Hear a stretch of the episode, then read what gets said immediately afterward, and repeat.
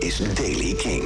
Vandaag zijn er perioden met zon. In het noordwesten is er iets meer bewolking, maar het blijft droog en zacht met een temperatuur van 14 à 15 graden.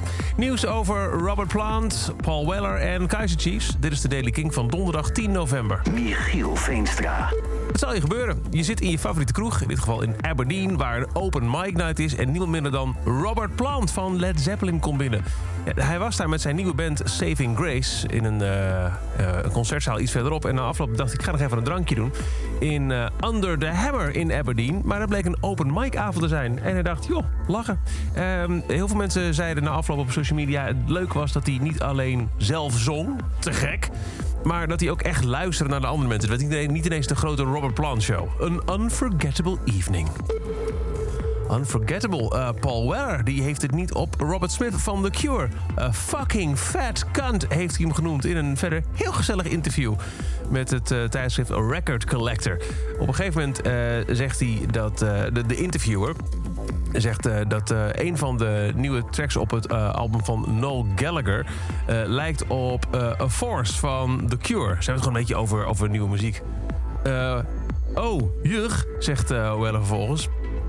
Uh, dat is niet best. Ik haat The Cure. En helemaal Robert Smith. Fucking fat cunt with his lipstick and all that bollocks. He's a fucking knob and I don't like him. There you go. There's someone I would work with. Work with. I'd fucking slap him or something. Nou, sfeertje. Paul Weller heeft het dus niet zo op Robert Smith. A fucking fat cunt with lipstick. Um, toetsenist Roger O'Donnell van The Cure heeft op Twitter gezegd... I always thought people who live in glass houses... should pull the blinds down before removing their trousers. Mr. Weller?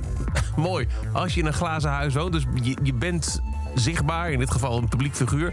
doe dan eerst even de gordijnen dicht voor je je broek naar beneden trekt. Dus niet, je hoeft niet alles zomaar in het openbaar te gooien... als je toch al op een podium staat. Mooi gesproken wel. En dan de Kaiser Chiefs. Die hebben afgelopen weekend opgetreden, opgetreden in uh, Londen, de O2 Arena. En de afgelopen regende het klachten op social media over dat het uh, niet goed was. Een absolute shitshow. Uh, zanger Ricky Wilson zou helemaal dronken zijn geweest.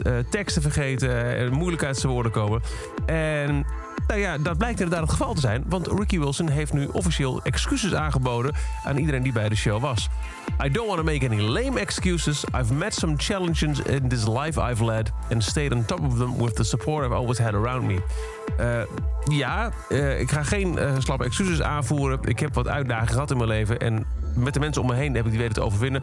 Maar helaas afgelopen zaterdagavond I made a mistake. En ik ben teruggevallen op oude drankgewoontes. And it's a mistake that upset and disappointed many of you and some of those closest to me. Dus ja, die is een beste beurt van Ricky Wilson van Kaiser Chiefs.